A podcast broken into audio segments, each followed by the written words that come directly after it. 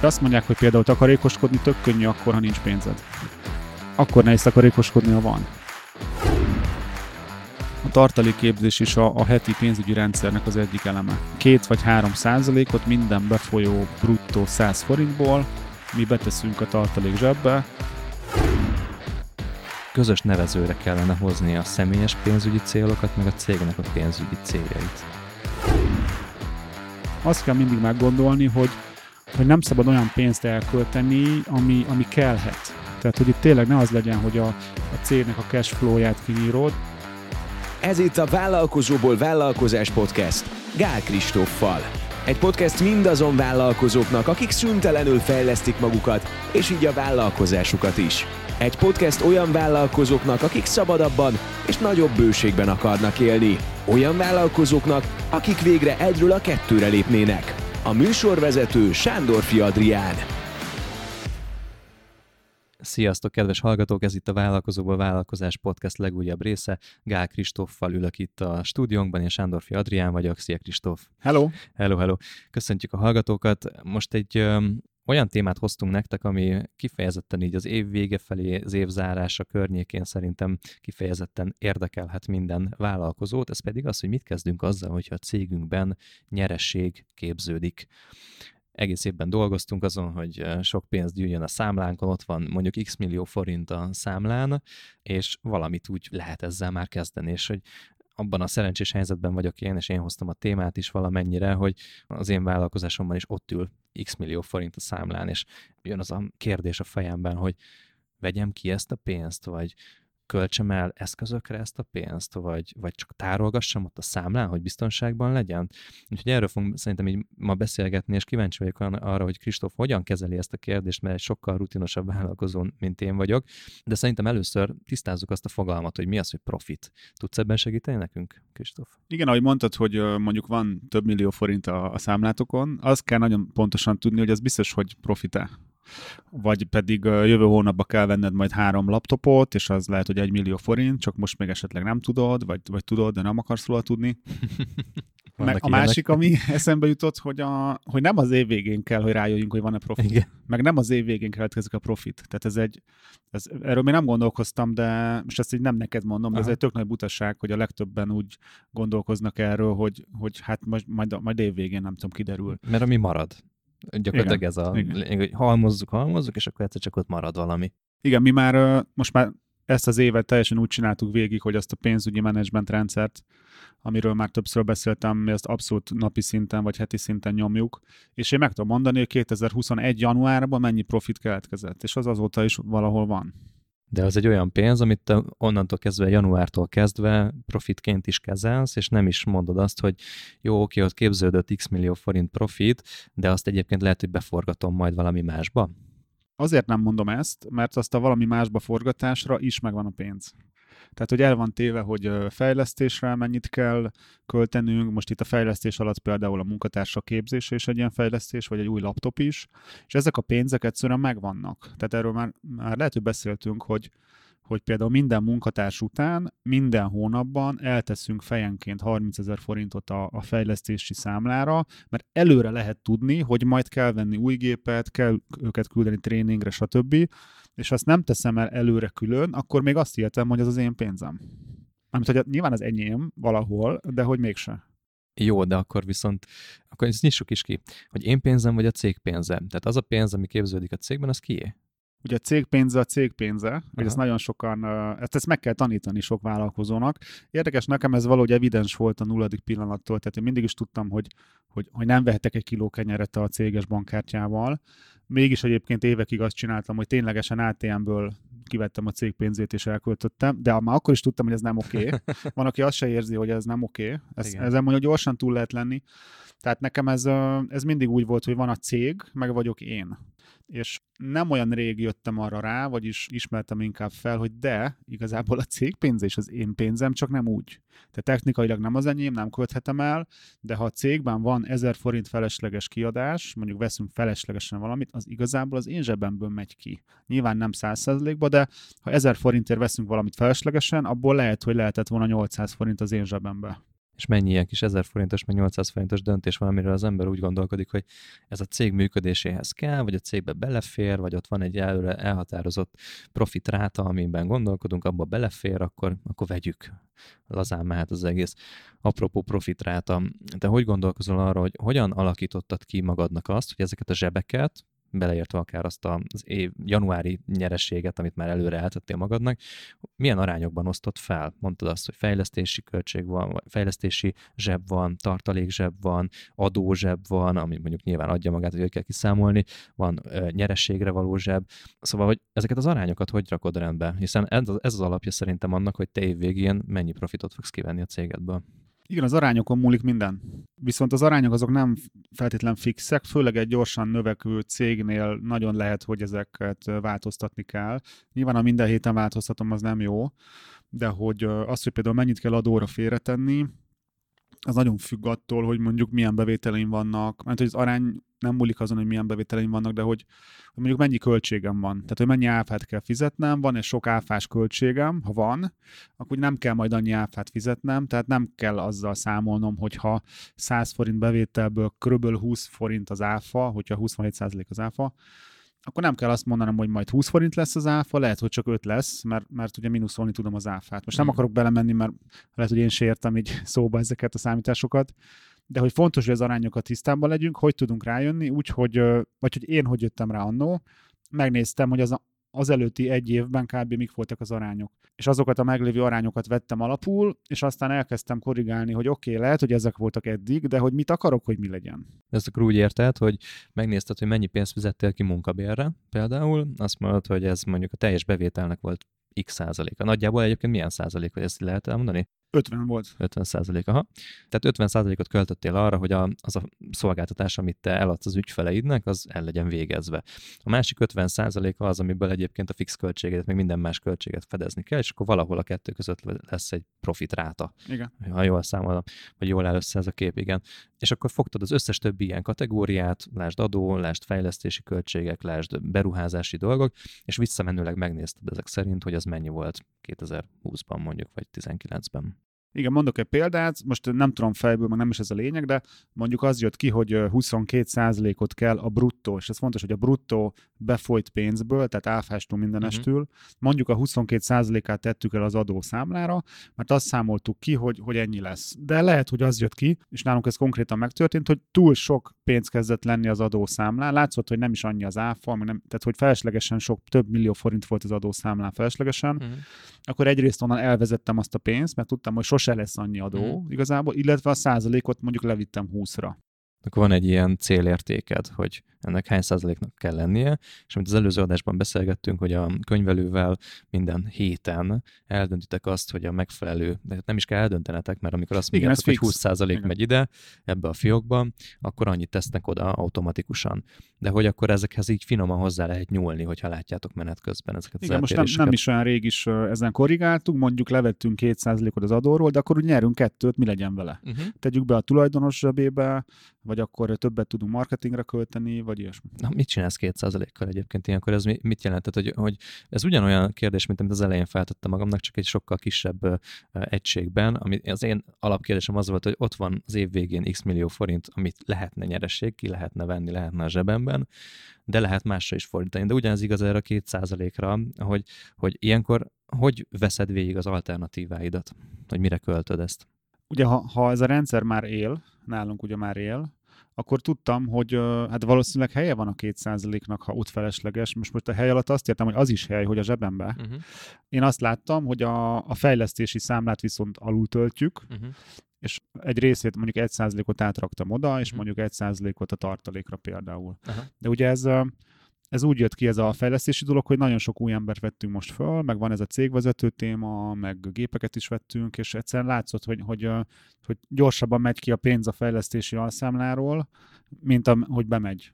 És akkor egyrészt ezt visszatöltöttük, meg az arányokon változtattunk, de lehet, hogy fél év múlva megint változtatni fogunk. És itt az a lényeg, hogy Tehát itt, itt valójában nem az év végén derült volna hogy na, van 10 millió forint, mi a franc legyen, hanem már menetében látszik, hogy a, a, az elosztás, az, amit allokációnak hívunk, hogy az nem jól van. És akkor tegyük ide, tegyük oda. Tehát ez egy, én ezt egy játéknak tekintem, lehet, hogy más nehezen tud ilyen akár milliós, tízmilliós, akár százmilliós játékokat játszani, de hát ha ezt valaki nem tudja megszokni, az akkor nehéz lesz. Nehéz lesz, igen.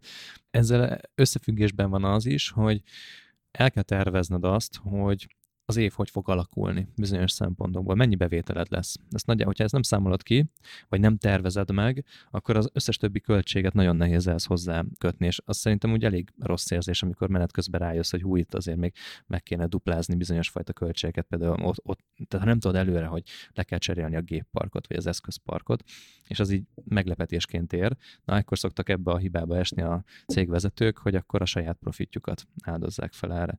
De gyakorlatilag, ahogy érzékelem nálad, neked erre az egész megoldásra az volt a, a, a találmányod, hogy évközben létrehoztad már azokat a zsebeket, amit később akár majd profitként is kezelsz. Milyen lehetőségei vannak egy vállalkozónak arra, hogyha egy profit képződik. Ez feltétlenül vegye ki magának, tehát szerinted ennek van egy ilyen pszichológiai hatása, hogy hogy jó az, hogyha ott van a vállalkozónál, vagy pedig ezeket érdemes szerinted máshogy felhasználni, ezeket a profitként realizált összegeket? Egy gyors példát mondok, aztán válaszolok. Mondjuk van az iparüzési adó, ami nálunk már ilyen 200 milliós bevétel nagyságrendben 4 millió forint évente, mert ugye 2 százalék. És ezt ugye évente kétszer fizetjük, ezt lehet előre tudni, hogy Igen. azt hiszem márciusban van talán az egyik uh, fizetése, meg szeptemberben. Tehát elvileg lehet előre tudni, hogy márciusban lesz egy 2 milliós idézőben nem várt uh-huh. kiadás, meg szeptemberben. Mert ugye az áfa az ugye folyamatosan jön-megy minden hónapban, hogyha havi áfás valaki, de mondjuk az iborüzési adót azért hónapok eltehetnek. És az a kérdés, hogy meglepetés lesz, hogy basszus be kell fizetni 2 millió forintot két egyszer egy évbe, vagy pedig az már eleve ott van.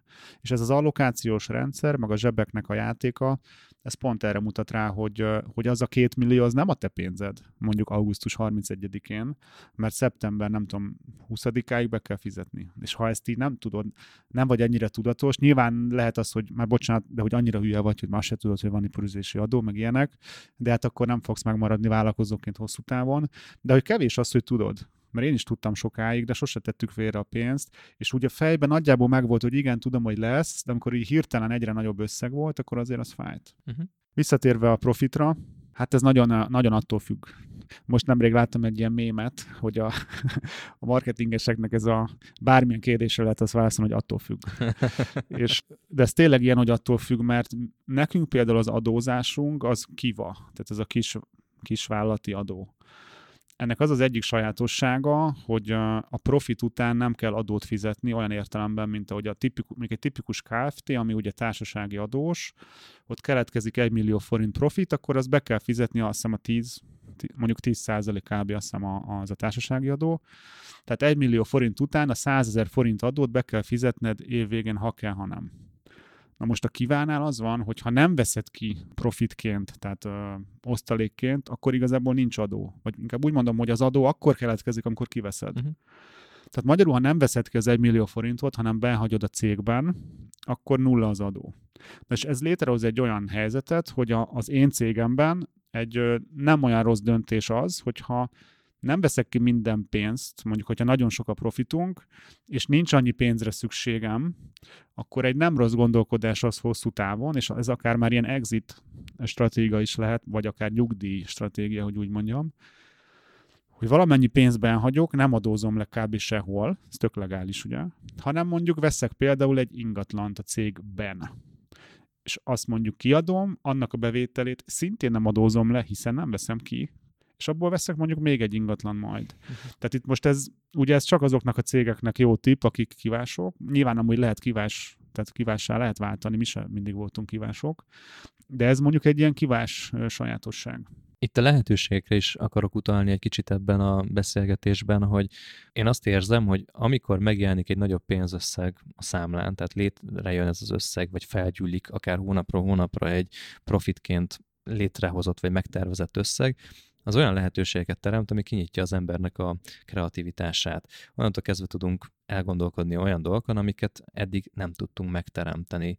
És végig lehet ilyenkor szerintem venni, hogy ahhoz a céges stratégiához, amit éppen folytatunk, ahhoz mi az a következő lehetőség, amit érdemes meglépni.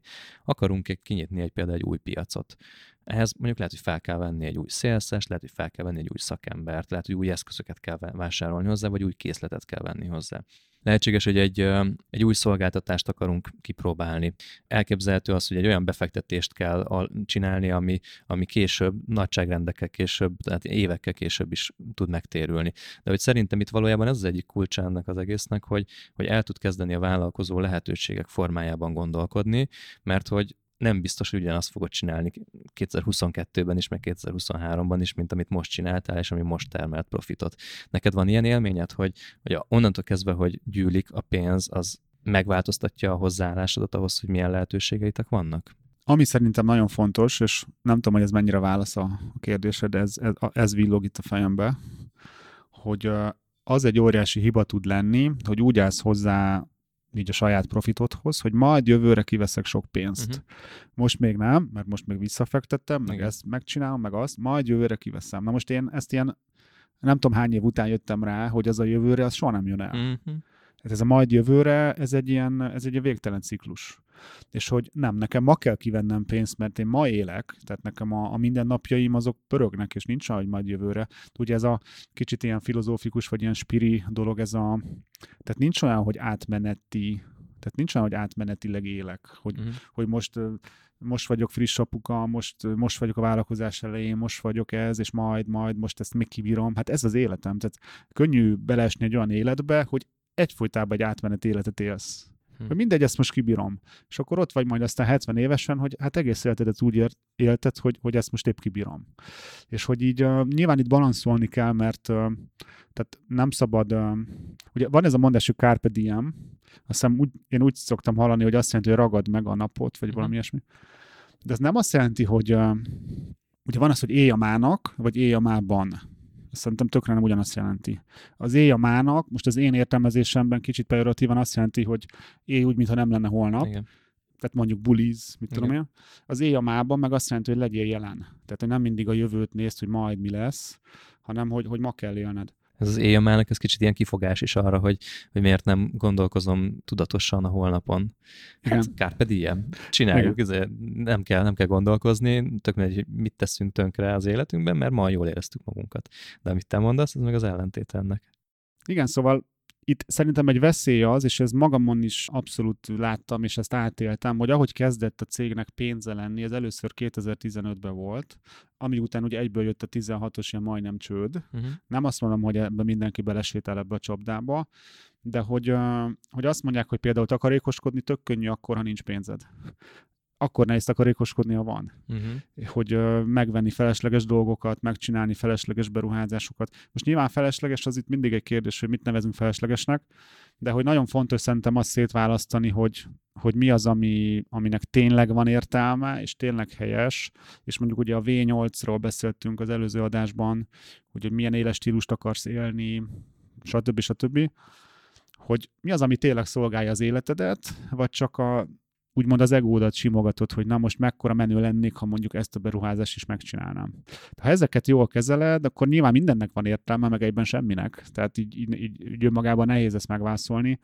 Ami nekem egy ilyen nagyon jó gondolat volt, amit hát nem is tudom, egy ilyen körülbelül két évvel ezelőtt hallottam. Volt egy ilyen ötletem, mert ugye volt pénz már, hogy meg tudtam ven- volna venni egy domaint, ami nagyon, egy nagyon jó pofa domain a, a click marketingnek és valami 300 vagy 400 ezer forintba került, és nekem felajánlottak, hogy megvettem, mert hogy ú, milyen jó lenne ez a click marketingnek. És akkor kérdeztem egyébként egy tanácsadótól, hogy mi a véleménye, és ő azt mondta, hogy, hogy figyelj Kristóf, egy, egy, egy profi vállalkozó az mindennek nézi a megtérülését. Igazából ha meg tudod mondani, hogy ez hogy fog megtérülni, akkor nyilván csináld meg. Ha nem tudod, akkor ne. És ugye elkezdtem gondolkozni, hogy hogy a francba térülne meg egy ekkora összeg egy doménél. Most én nehéz lehet elképzelni, de mindegy, tökre nem térült volna meg, és végül nem vettem meg. Mert csak azért vettem volna meg, mert milyen jó pofa dolog, meg hogy ilyen fú, de menő. Aha. De hogy igazából most én menőségre költsek el 300 ezer forintot a cég pénzéből, miért nem megyünk el inkább nem tudom hova belőle? Tehát, hogy ez ilyen, ez nehéz kérdés, szerintem megint önismeretre csúszunk vissza, hogy kinek van arra szüksége, hogy így magát, így, így meg az önképét így építgesse ilyenekkel, de nyilván a beruházások jók. Én azt mondom, hogy olyan nincs, hogy nem várt beruházás szerintem. Mint, mint hogy olyan sincs, hogy nem várt felmondás mondjuk egy, akár egy munkatárs, akár egy ügyfél részéről, olyan van, hogy nem figyeltél eléggé.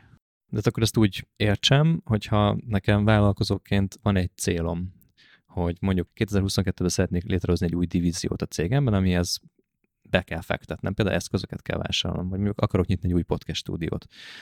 Azt így érdemes megcsinálni, egy célként előre eltervezem, megtalálom a helyét, és akkor már konkrétan arra gyűjtenék, ugye egész évben, tehát ez, ez, ez te, te így csinálnád. Hát akár így, de itt, itt a filozófiai, vagy hát így a, a koncepció része inkább az, hogy ha most ez egy konkrét példa, hogy mondjuk jövő évben lenne egy, egy, egy nagyon sok millió forintos beruházás, és az amúgy jó lenne, ma minden, azt kell szerintem megvizsgálni, hogy a te magánéletedet, mint ember, tehát hogy ez hogy szolgálja. Tehát, hogy lehet, hogy jövőre akarsz venni, nem tudom, egy lakást, akkor igazából jobban kellene a lakásra pénz, de azt mondod, hogy hú, én jó vállalkozó vagyok, nem veszem ki a cégből a pénzt, mert inkább fejlesztek, hogy ez biztos, hogy jó-e. Most nem azt mondom, hogy ezt csinálnád, csak hogy ezek tipikus ezek a helyzetek. Nekem ezer ilyen volt, és én mindig a céget választottam. Hmm. Mindig az volt, hogy nem, a cég, a cég, a cégnek kell a pénz, kell a laptop, stb. És hogy ö, sose választottam magamat, hogy Gál Kristófnak legyen úgymond pénze, vagy akár vagyona de a cégnek legyen vagyona. És hogy ez így, még azt sem mondom, hogy ez jó vagy nem jó, hanem ez akkor nem helyes, hogyha ezt egy ilyen akár tudatalatti ilyen, ilyen kényszerek mozgatják. Mert én dönthetek úgy, hogy eldöntöm, hogy most egy évig lemondok valamiről, és utána majd tényleg elveszem, vagy pedig ez egy tök kamu, és sose fogom elvenni a sajátomat, mindig a céget választom, nem tudom miért. A pszichológus mondta, hogy ez egy ilyen simán lehet egy ilyen, egy ilyen kihelyezett ilyen a, tehát, hogy kiszerveztem magam, kiszerveztem magam a cégbe, és hogy, hogy a cég voltam én, és hogy a céget építem, és az, hogy amúgy velem mi van, az nem számít. Tehát most én nem azt mondom, hogy mindenki ezzel küzd, tehát nem akarom azt hinni, hogy mindenki a, ugyanaz lovagolja, mint én, csak hogy ezek kockázat. Nekem erről eszembe jut az, hogy cégvezető vagy a tulajdonos sokszor azt mondja, hogy az ő munkája az ingyen volt a cégnek, mert hogy hiszen végeredmény majd lesz évvégén egy profit, vagy öt év múlva lesz egy profit, a nagy összeg, amiből majd megveszem azt a dolgot, amiért dolgoztam, vagy amiből majd utólag kifizetem mindazt a fáradozásaimat, amit, amit az egész év során, vagy évek során beletettem a cégbe, és az elvezet oda, hogy kapjon-e rendes fizetést a cégvezető, vagy hogyha ez egy, egy a tulajdonossal, vagy kapjon-e rendes fizetést a cégvezető tulajdonos. Te mit, hogy gondolkozol erről? Ha arra gondolsz, hogy, hogy szó szerint bért uh-huh, kapjon, igen. igazából ez, ez már csak egy adózási kérdés szerintem. Volt olyan fázisom, ahol azt akartam, hogy ha mondjuk én kiveszek, nem tudom, száz egység pénzt, akkor fú, annak legyen, nem tudom, legalább a fele bér, mert hogy nem tudom miért, mert hogy az úgy ilyen jogos, vagy nem uh-huh. tudom. És akkor szerencsére megértettem, hogy azért hülye ne legyek. Uh-huh. Tehát ha ki tudom menni osztalékba is mondjuk a 90%-át, ami sokkal jobban adózik, akkor mi a fenének fizessek magamnak szó szerint bért. Itt azt tud nagyon elcsúszni, hogy te egy akkora összeget veszel ki magadnak tulajdonosként, amit kb. egy cégvezetőnek kéne fizetned, ha nem te lennél, és ezért soha nem fogsz tudni kilépni a cégből, mert nincs annyi pénz a cégben. Ugye ezért beszéltünk a cégvezető kapcsán ugye pénzügyről sokat, hogyha mondjuk tegyük fel, én, én havi 500 ezer forintot vennék ki, mint vállalkozó, és hát egy cégvezető keresne amúgy 500 ezer forintot, akkor én hogy fogok valaha kiszállni? Hát azt a pénzt ki kell fizetnem a cégvezetőnek, és nekem nulla marad. Igen.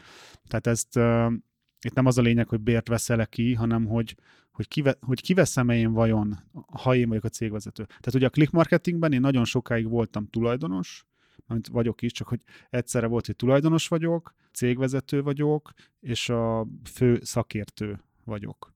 És igazából mind a három szerepemért kéne, hogy kivegyek egy combos összeget, különben, ha ezeket fel akarom majd számolni, mint szerepeket, akkor ezt ki fogja kifizetni annak, aki majd a helyemre jön. Tehát ha ez rendben van, és mondjuk én kiveszek havi, nem tudom, 5 milliót, amiből bőven ki tudnék fizetni úgy, hogy nekem csak idézőjelben négy marad, de adok belőle majd az új cégvezetőnek, meg az új szakértőnek, meg a nem tudom kinek, akkor az oké. Okay. Csak hogy ne csapjam be magam. De akkor te ezzel azt állítod, hogy, hogy a, a cégvezetőnek évközben is, akármilyen módon, de meg kell fizetni a saját munkáját? Szerintem igen. Tehát nekem ez szintén 16, tehát 2016-ban történt minden, most már úgy érzem. Ez az origó pont, az te mind, mind, mindig ez. Hát egy ilyen nagy ilyen forduló pont, hogy tehát akkor jöttem rá, hogy, hogy irreálisan keveset veszek ki a cégből, és ha csak a legminimálisabban felszámolnám ezeket a szerepeimet, hogy tulajdonos, cégvezető, szakértő, akkor is nem tudom, háromszor annyit kéne kivennem, vagy négyszer annyit, de nem úgy, hogy, hogy bőven, csak hogy, hogy azt mondjam, hogy ez, erre senki nem mondaná azt, hogy te egy barom vagy, az is háromszor annyi, mint amennyit akkor kivettem. És ez, ez volt az a motiváció, hogy elkezdjem úgy ugye mindenét változtatni a cégnek, ugye mint a V8-ban, hogy a bevétel oldalát, a bérezési oldalát, meg mindent, a hatékonyság oldalt, hogy egyáltalán reális legyen, hogy ezt ki tudom venni, és egyébként én akkor ezt eldöntöttem, hogy ha ezt nem tudom elérni, akkor abba fogom hagyni. Ténylegesen nem gondoltam, hogy nem fogom tudni elérni, csak hogy tényleg egy olyan elhatározás volt bennem, hogy ezt nem csinálom tovább, mert ez igazából a saját magamnak valahogy a leértékelése volt, hogy, hogy így jó, mindegy, nekem ez elég. És mhm. ez nem azt jelenti, hogy én kapzsi vagy bármi vagyok, hanem csak azért legalább fair legyen az egész hiszen ennyi erővel elmehetnél dolgozni szakértőként a, alkalmazottnak egy multihoz mondjuk, lehet, hogy még egyébként kétszeresét is megkapod annak, amit saját hát magadnak Pont, pont erre gondoltam, hogy egy, én így fogalmaztam, hogy egy közepes multi, közepes középvezetőjeként, uh-huh. akár komolyabb felelősség minden nélkül, szerintem többet kerestem volna, mint amikor már akkor is tizenvalahány munkatárs, 100 milliós bevétel, stb. Hát az a különbség ugye egy vállalkozóval, hogy ő viszont tud olyan nagyságrendekben játszani, meg olyan pénzeket tud végül végeredményben megmozgatni, hogyha jól vállalkozik, ami, ami felülérje ezt a dilemmát, tehát akkor már nem éri meg alkalmazottnak elmenni, és jó pénzt munkabér formájában megkeresni. Beszéljünk egy másik területről, ami így a valahol összemosható lenne a profittal, de hogy szerintem ez ilyen gondolkodási hiba, ez a tartalékképzés. Tehát ugye azt mondhatjuk sokszor, hogy oké, okay, képződött mondjuk tegyük fel 10 millió forint profit a cégemben. Akkor a dilemma lehet az, hogy tartsam bent a cégben, hogy egyszer majd jól fog jönni, lehet, hogy fél év múlva majd eszembe jut, hogy venni kéne egy, nem tudom, egy teherautót, és akkor azt ki tudom fizetni belőle, vagy egy kisebb kocsit lehet belőle venni, vagy pedig ugye vegyem ki saját magamnak, vagy fejlesztésre költsem el. És hogy azt tudom, hogy te a tartalékképzésről egészen másképp gondolkozol. Fel eleveníted nekünk azokat a dolgokat, amik az elmúlt adásokban meséltél erről? A tartalékképzés is a, a heti pénzügyi rendszernek az egyik eleme. Tehát mi most nem tudom fejből, de azt hiszem, hogy két vagy három százalékot minden befolyó bruttó 100 forintból mi beteszünk a tartalék zsebbe. Ez lehet, hogy az adott héten nem tudom 50 ezer forint, lehet, hogy 500 ezer forint, de ezt mindig oda tesszük, mert most az én is zavarba lennék, hogyha ott lenne 10 millió forint, és így farkas szemet néznénk, hogy na most mi legyen, tartalékba tegyelek, Igen. 10 millió, vagy kivegyelek. Igen. De úgyhogy minden héten így elosztogatjuk a pénzt, így sokkal egyszerűbb. Tehát, hogy nekünk is már egyébként ekkora nagyságrend a tartalék, 10 milliós nagyságrendű, hogy eszembe se jut, jut elkölteni, mert az a tartalékunk. Egyébként az az érdekes, hogy az már egy kihívás, hogy 10 millió forint ne álljon a számlán, uh-huh. mert megeszi például az infláció. Igen, igen. És mit kezdesz ezzel a tartalékkal? Hogy határozod meg, hogy mekkora százaléknak kell lenni ennek a, ennek a tartaléknak?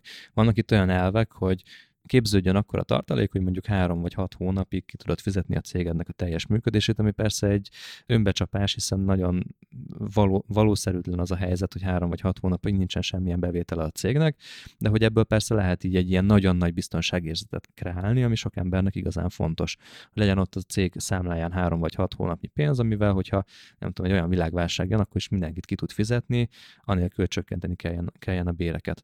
Akkor te mondod azt, hogy heti szinten gondolkozol, 2-3 százalékot teszel félre, hogy határoztad meg azt, hogy ennek mennyinek kell lennie?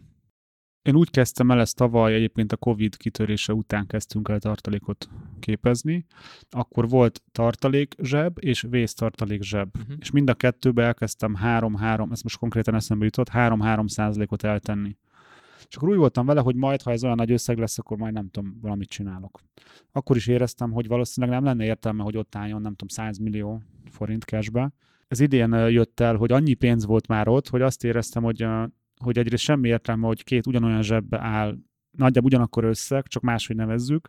Ezért a vésztartalék számlát például megszüntettem, és átvezettem egy értékpapír számlára, tehát ez a cég pénze, de egyszerűen elkezdtem belőle értékpapírokat venni, hogy az valamit vagy hozamot hozzon, vagy részvény, akkor hozzon árfolyam nyereséget, osztalékot, akármit, hogy az inflációt ne egye meg. A legjobb lenne egyébként szerintem, hogy nekem a legbiztonságosabb állampapírt venni, csak egy cég pénzben nem lehet állampapírt venni.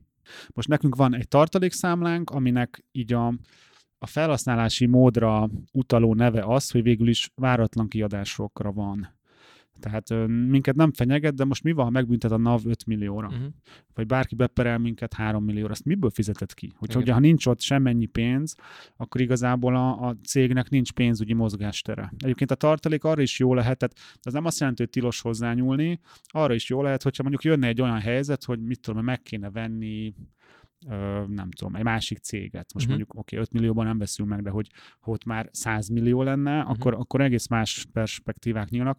Az, hogy mennyit kell eltenni havonta, az szerintem egy egyszerű döntés.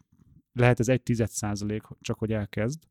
Nekünk ez most épp ilyen 3 százalék körül van, de itt inkább az a kérdés, hogy mennyi tartaléka van a cégnek, tehát hogy összesen éppen mennyi van, és itt egyértelműen nem az abszolút értéket kell nézni, tehát mondjuk tegyük fel, hogy nekünk van most 10 millió tartalékunk, az most sok vagy kevés? Igazából nem tudom, mert ha havi 5 millió a forgalmunk, akkor, vagy a költségvetésünk, akkor úgy nem rossz, de ha 200 millió, akkor pont egy porszám. Igen.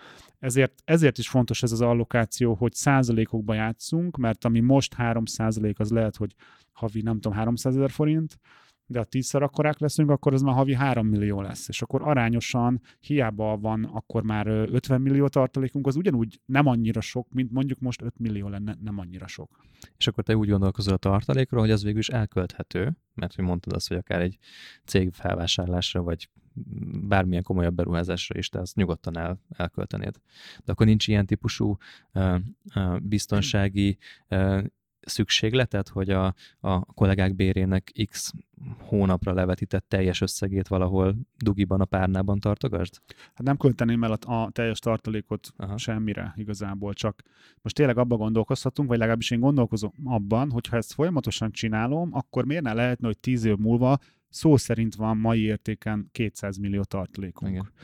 Igazából lenne rá lehetőségem, és ez a pénzügyi mozgástér, de nem csak a cégnek, hanem nekem is. Igen. Gondolhatnék arra, hogy kiveszem a 200 milliót, és elköszönök, Uh-huh. mondjuk. Igen. Mert addigra nyilván lenne má- más is, hogyha annyi, csak a tartalékunk 200 millió, akkor nyilván már vettem ki közben eleget. Tehát, hogy itt, itt nem az a lényeg, hogy most van, nincs, hanem hogy a, a lehetőségeidet nagyon durván kinyitja. Mert hogyha, most gondolj bele, nekünk most a, a havi költségvetésünk közel 20 millió forint, mármint hogy ami kimegy a cégből havonta. Igazából, ha nullán vagyunk, akkor ugye olyan kötelezettségvállásaink vannak, hogy így, tehát igazából becsukni a céget se egyszerű. Tehát hogy csukod be?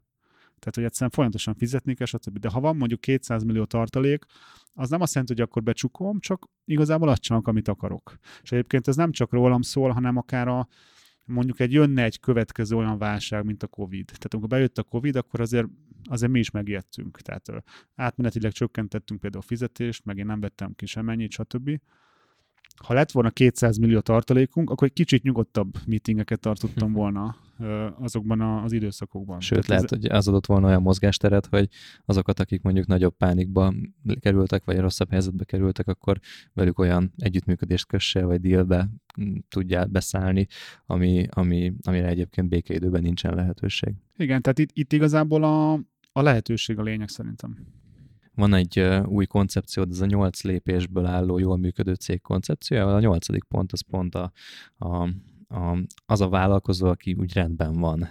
Valahogy én így folytattam le ezt, és hogy ez a mai beszélgetés is nekem azt mutatja, hogy, hogy egyben kell kezelni a, az egyéni ambíciókat, a személyes célokat, és a cégnek a céljait valamennyire, hiszen a végeredménye az lesz, hogy akár te Kristóf, vagy én egyszer el akarunk majd menni nyugdíjba például, vagy lesznek olyan szándékaink, hogy szeretnénk valami mást kezdeni, vagy másba kezdeni, vagy mással akarunk foglalkozni. És hogy ez a pénz, ez valójában, vagy a cég az valójában azért is van, hogy ezeket a céljainkat meg tudjuk valósítani. És nekem nagyon tetszik például az, amit mondasz a, a, az értékpapír számláról, a cégnek a saját értékpapír számlájáról, mert hogy ez megint oda elvezet, hogy egyszer vállalkozóként szeretnénk majd mondjuk nyugdíjat, vagy szeretnénk azt, hogy, hogy legyen pénzünk. És erre két verzió van, mondjuk, hogyha vállalkozó az ember, vagy két nagyon tiszta verzió van. Az egyik az, hogy a cég működik tovább nélkülünk, és ugyanúgy, amikor te 60 éves leszel, Kristóf, akkor ugyanúgy majd szállítja neked az osztalékot évente.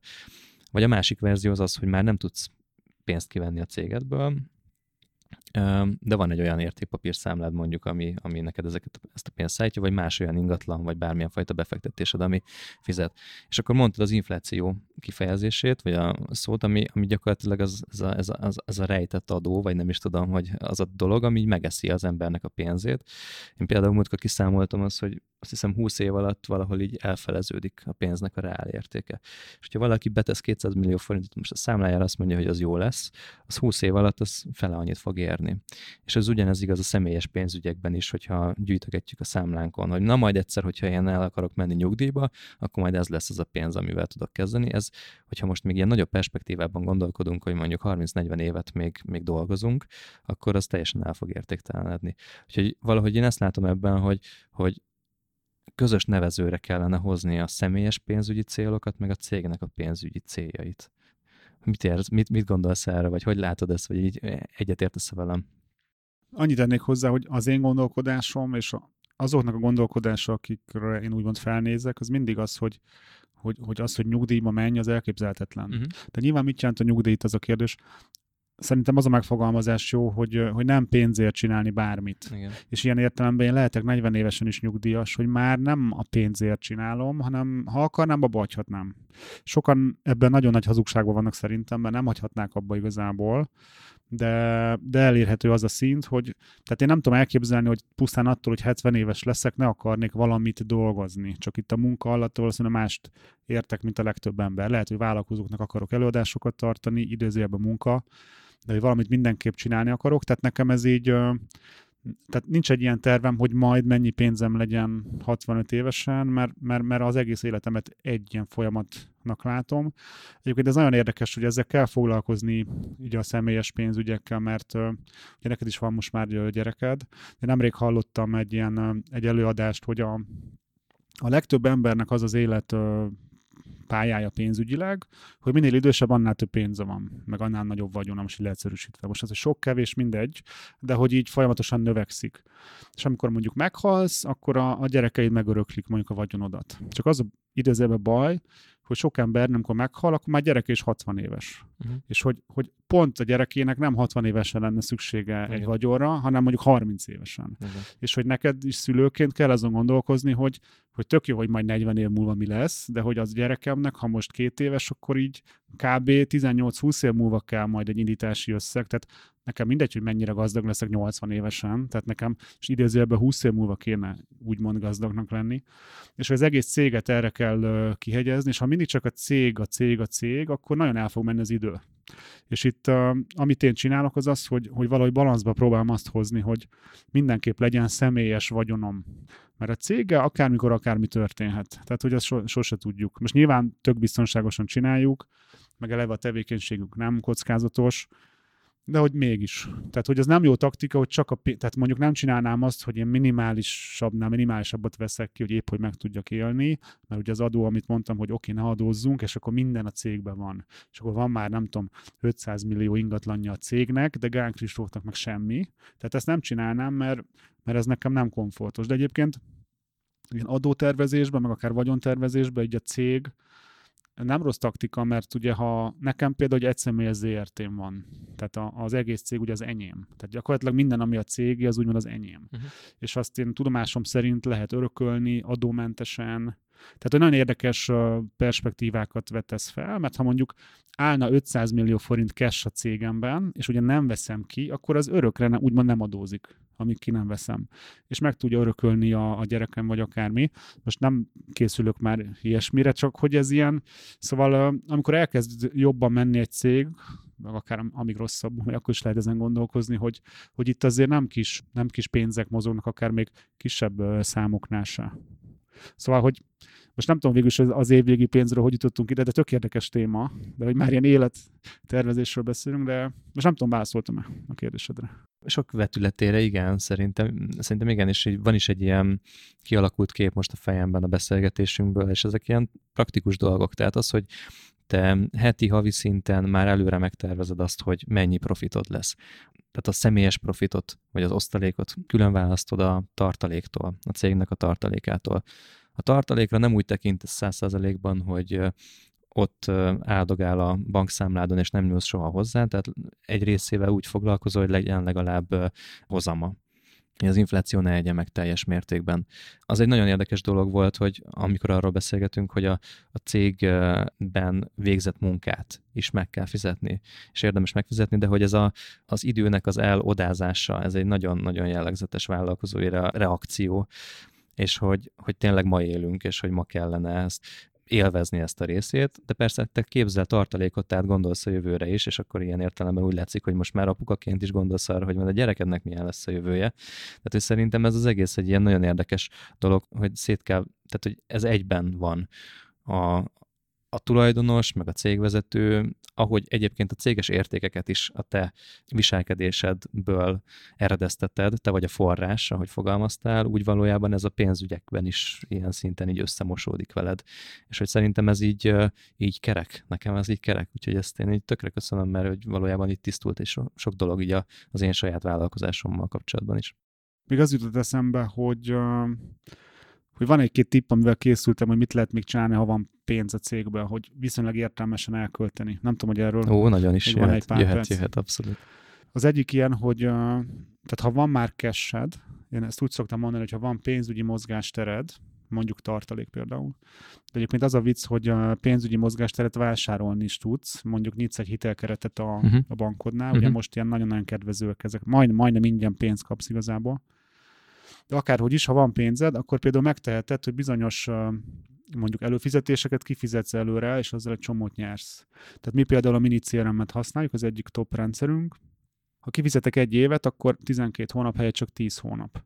Ugye ez ilyen majdnem 20% hozzám tulajdonképpen.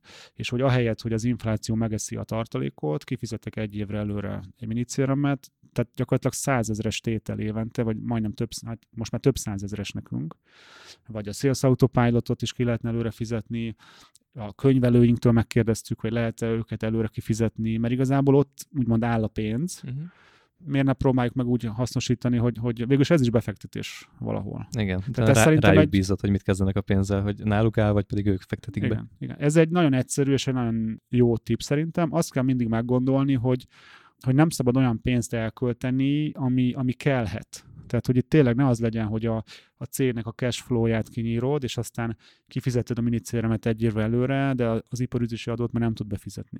Tehát, hogy itt, itt ez a pénzügyi rendszerben, mi már ezen most egy az egyben gondolkozunk, hogy januárban miket fizessünk ki előre, amivel lehet, hogy több százezer forintot tudunk nyerni egy év alatt. Uh-huh. De ez nagyon kell az, hogy legyen egy tartalék, ami, vagy hát egyetem mozgástered, ahogy mondtad, pénzügyi mozgástér, és hogy uh, így tudsz előre gondolkodni. Igen, és ha belegondolsz, ha van egy hitelkereted, és most ilyen a, pont a Covid miatt vannak ilyen programok, ilyen, ilyen majdnem nulláért lehet hitelt felvenni, vagy ilyen uh, hitelkeretet nyitni, tehát igazából ez hitelből is megéri, ha, ha belegondolsz. Tehát, hogy 12 hónap helyett 10 hónapot fizetsz ki, ugye majdnem 20 százalék, és mondjuk, ha még fizetsz kamatot, akkor is, mit tudom én, fizetsz 3% kamatot, tehát igazából egy jó befektetés. Igen, igen, igen. Szóval azért, tehát ha nincs pénzed, akkor bizonyos dolgok akkor is megérik, hogyha tudsz így gondolkozni, csak hát nyilván aki, tehát tipikusan nem azt tud így gondolkozni, akinek nincs pénze. Igen. hanem, igen. hogy ez valahogy összefüggenek, hogy nyilván ez a tudatosság, ez, ez oda vezet, hogy amúgy van is pénzed. Hát persze, egyébként a leggazdagabbak is nagyon sokszor mások pénzén gazdagodnak meg, vagy a banknak a pénzén gazdagodnak meg,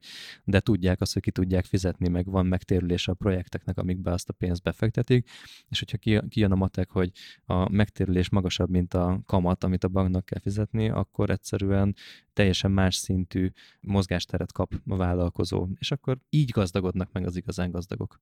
Igen, még az egy érdekes téma szerintem, hogy tényleg mennyit vegyél ki. Tehát nekem az új hozzáállásom az, amit nekem meg kellett tanulnom, hogy ez nem rossz emberség, hogy sok pénzt vegyek ki, de feleslegesen sokat, vagy hogy, hogy, hogy erőltetni azt, hogy mindent kivegyek, annak meg nincs értelme. Mondok egy példát, nekem cég, a cég fizeti az autómat, tehát miért fizetném a saját adózott személyes pénzemből, ha a cég is ki tudja fizetni. Tehát, hogy, hogy bizonyos dolgokat, amiket fizethet legálisan a cég, azokat a cégnek az adózott pénzéből fizetem, nem a, az én, uh-huh. bocsánat, a cég adózatlan pénzéből fizetem, nem a saját zsebemből, mert végül is a cég az valahol én vagyok, hogyha ezt tudom, hogy ez mennyi, hol, hol igaz, hol nem. Ez nagyon nehéz, ezt, e, bocs, ezt annyira nehéz ezzel, e, ezt valahogy így fejben átkattintani, hogy a cég én vagyok, holott, holott igaz, és hogy tetszik, hogy ezt mondod, de hogy, hogy ugye valahogy én, én érzelmileg próbálom eltávolítani magam a cégtől. De el is kell. Tehát, hogy ez egy ilyen több dimenziós dolog. Tehát a cég nem én vagyok, ez egyértelmű. Ez nagyon fontos mert hogyha a cégén vagyok, akkor nem tudom helyesen kezelni, mi az, ami mondjuk nekem jár, mint hogy mint Gál Kristófnak, nem a cégnek, aki én vagyok, ugye? Tehát, tehát ezt, ezt, ezt helyén kell kezelni. Tehát én is vagyok, meg nem is. És pont ezt kell jól megítélni, hogy, hogy mikor vagyok én, mikor nem én. Most nem tudom, hogy ez érthető, de Érte, hogy értem, ez nem egy, ilyen egy, a... nem egy egydimenziós dolog semmi. Igen, ez egy ilyen, egy ilyen érme, aminek két oldala van, és ez mégiscsak egy érme valójában, de hogy, hogy amikor nem én vagyok a cég, akkor az azt jelenti, hogy gondoskodnom kell másokról, gondoskodnom kell a, arról, hogy a munkabér ki legyen fizetve, vagy az ügyfeleimnek a munka el legyen végezve, hogy, hogy önmagában egy tartalékot képezzünk, tehát hogy egy valahogy Bocsánat, kicsit mondom, hogy hogy lehet magamtól. Jól, eszembe jutott, hogy a, ugye nálunk van tulajdonosi zseb. Uh-huh. Oda minden héten bemegy az én részem. Ez lesz a te osztalékod? Az az én pénzem. Aha. Ebből egy része az osztalékom lesz, Aha. egy részét meg nem veszem ki, mert azt mondom, hogy nincs értelme kivenni, mert nem optimális kivenni, hanem mondjuk egy részéből kifizetem a, a céges autómat. Uh-huh. Tehát én például úgy állok hozzá, hogy a, a, a céges autóm az, tehát az nem a cégnek a költsége. Tehát, hogy most ez nyilván kicsit ilyen nézőpont kérdése, de én azt mondom, hogy a click marketing működéséhez nem szükséges, hogy Gál Kristófnak a cég fizessen egy autót. Uh-huh. Viszont nem a zsebemből vettem magánemberként autót, hanem a céggel vetettem, mert jobb, opti, opt, így optimális a, a költsége, meg minden. Uh-huh. De ezt én ugyanúgy abból a tulajdonosi zsebből fizetem. Meg ha mondjuk veszek magamnak egy elektromos rollert, uh-huh. ami szerintem a megengedhető ilyen határeset, hogy most ez jogos-e, hogy a cég veszi.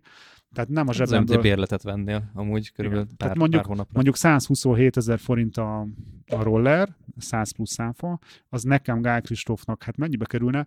Ugye 127 ezer forint adózott pénz, de ugye adót is fizettem, hogy kivettem a cégből, tehát lehet, hogy egy ilyen 150-ben lenne a roller, viszont ha a cég megveszi, ott az, ad, az áfa ugye nem számít, plusz nem adóztam le, tehát mondjuk kb. 100-ban van a cégnek.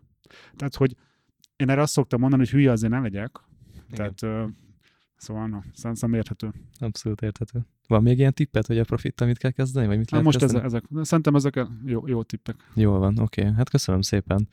Kedves hallgatóink, hogyha ti úgy érzitek, hogy nektek még lenne tippetek, amit megosztanátok a vállalkozói közösséggel, ami a podcast környékén épül, és már jó pár száz főt számlál, akkor gyertek a zárt csoportba, a vállalkozóból vállalkozás zárt csoportba, és nyugodtan dobjátok be ezt egy poszt formájában, vagy egy komment formájában. Szerintem a Kristóf is örülni fog, hogyha erről lehet beszélgetni, hogy ti hogyan gondolkoztok a profitról, a saját pénzetekről, egyáltalán erről, hogy az én pénzem, vagy a cég pénze, én vagyok a cég, vagy, vagy nem én vagyok a cég, de ezeket a dolgokat nyugodtan mondjátok el, mert szerintem itt nincsen egy egyetemes igazság, és azért más-más cégeknél, más-más személyiségeknél máshogy lehet gondolkodni, de próbáltunk megmutatni nektek egy, egy nézőpontot, amit én nagyon élveztem egyébként hallgatóként is, úgyhogy remélem, hogy ti is, kedves hallgatók, oda át az éterben élveztétek, amiket Kristóf elmesélt. Úgyhogy gyertek, csatlakozzatok hozzánk az átcsoportba, és meséljetek el azt, hogy ti hogy gondolkoztok erről. Ez volt már a Vállalkozóból Vállalkozás Podcast, legújabb része, két hét múlva fogunk találkozni, általában csütörtökönként jelenünk meg. Hogyha tehetitek, akkor értékeljétek a podcastet az Apple Podcast lejátszójában, öt csillaggal vagy egy kommenttel, illetve ha lehet, akkor osszátok meg egymással a podcastünket. Nincs is más hátra. Köszönjük szépen a figyelmeteket, sziasztok! Sziasztok! Ez volt a Vállalkozóból Vállalkozás Podcast Gál Kristóffal és Sándor Adriánnal.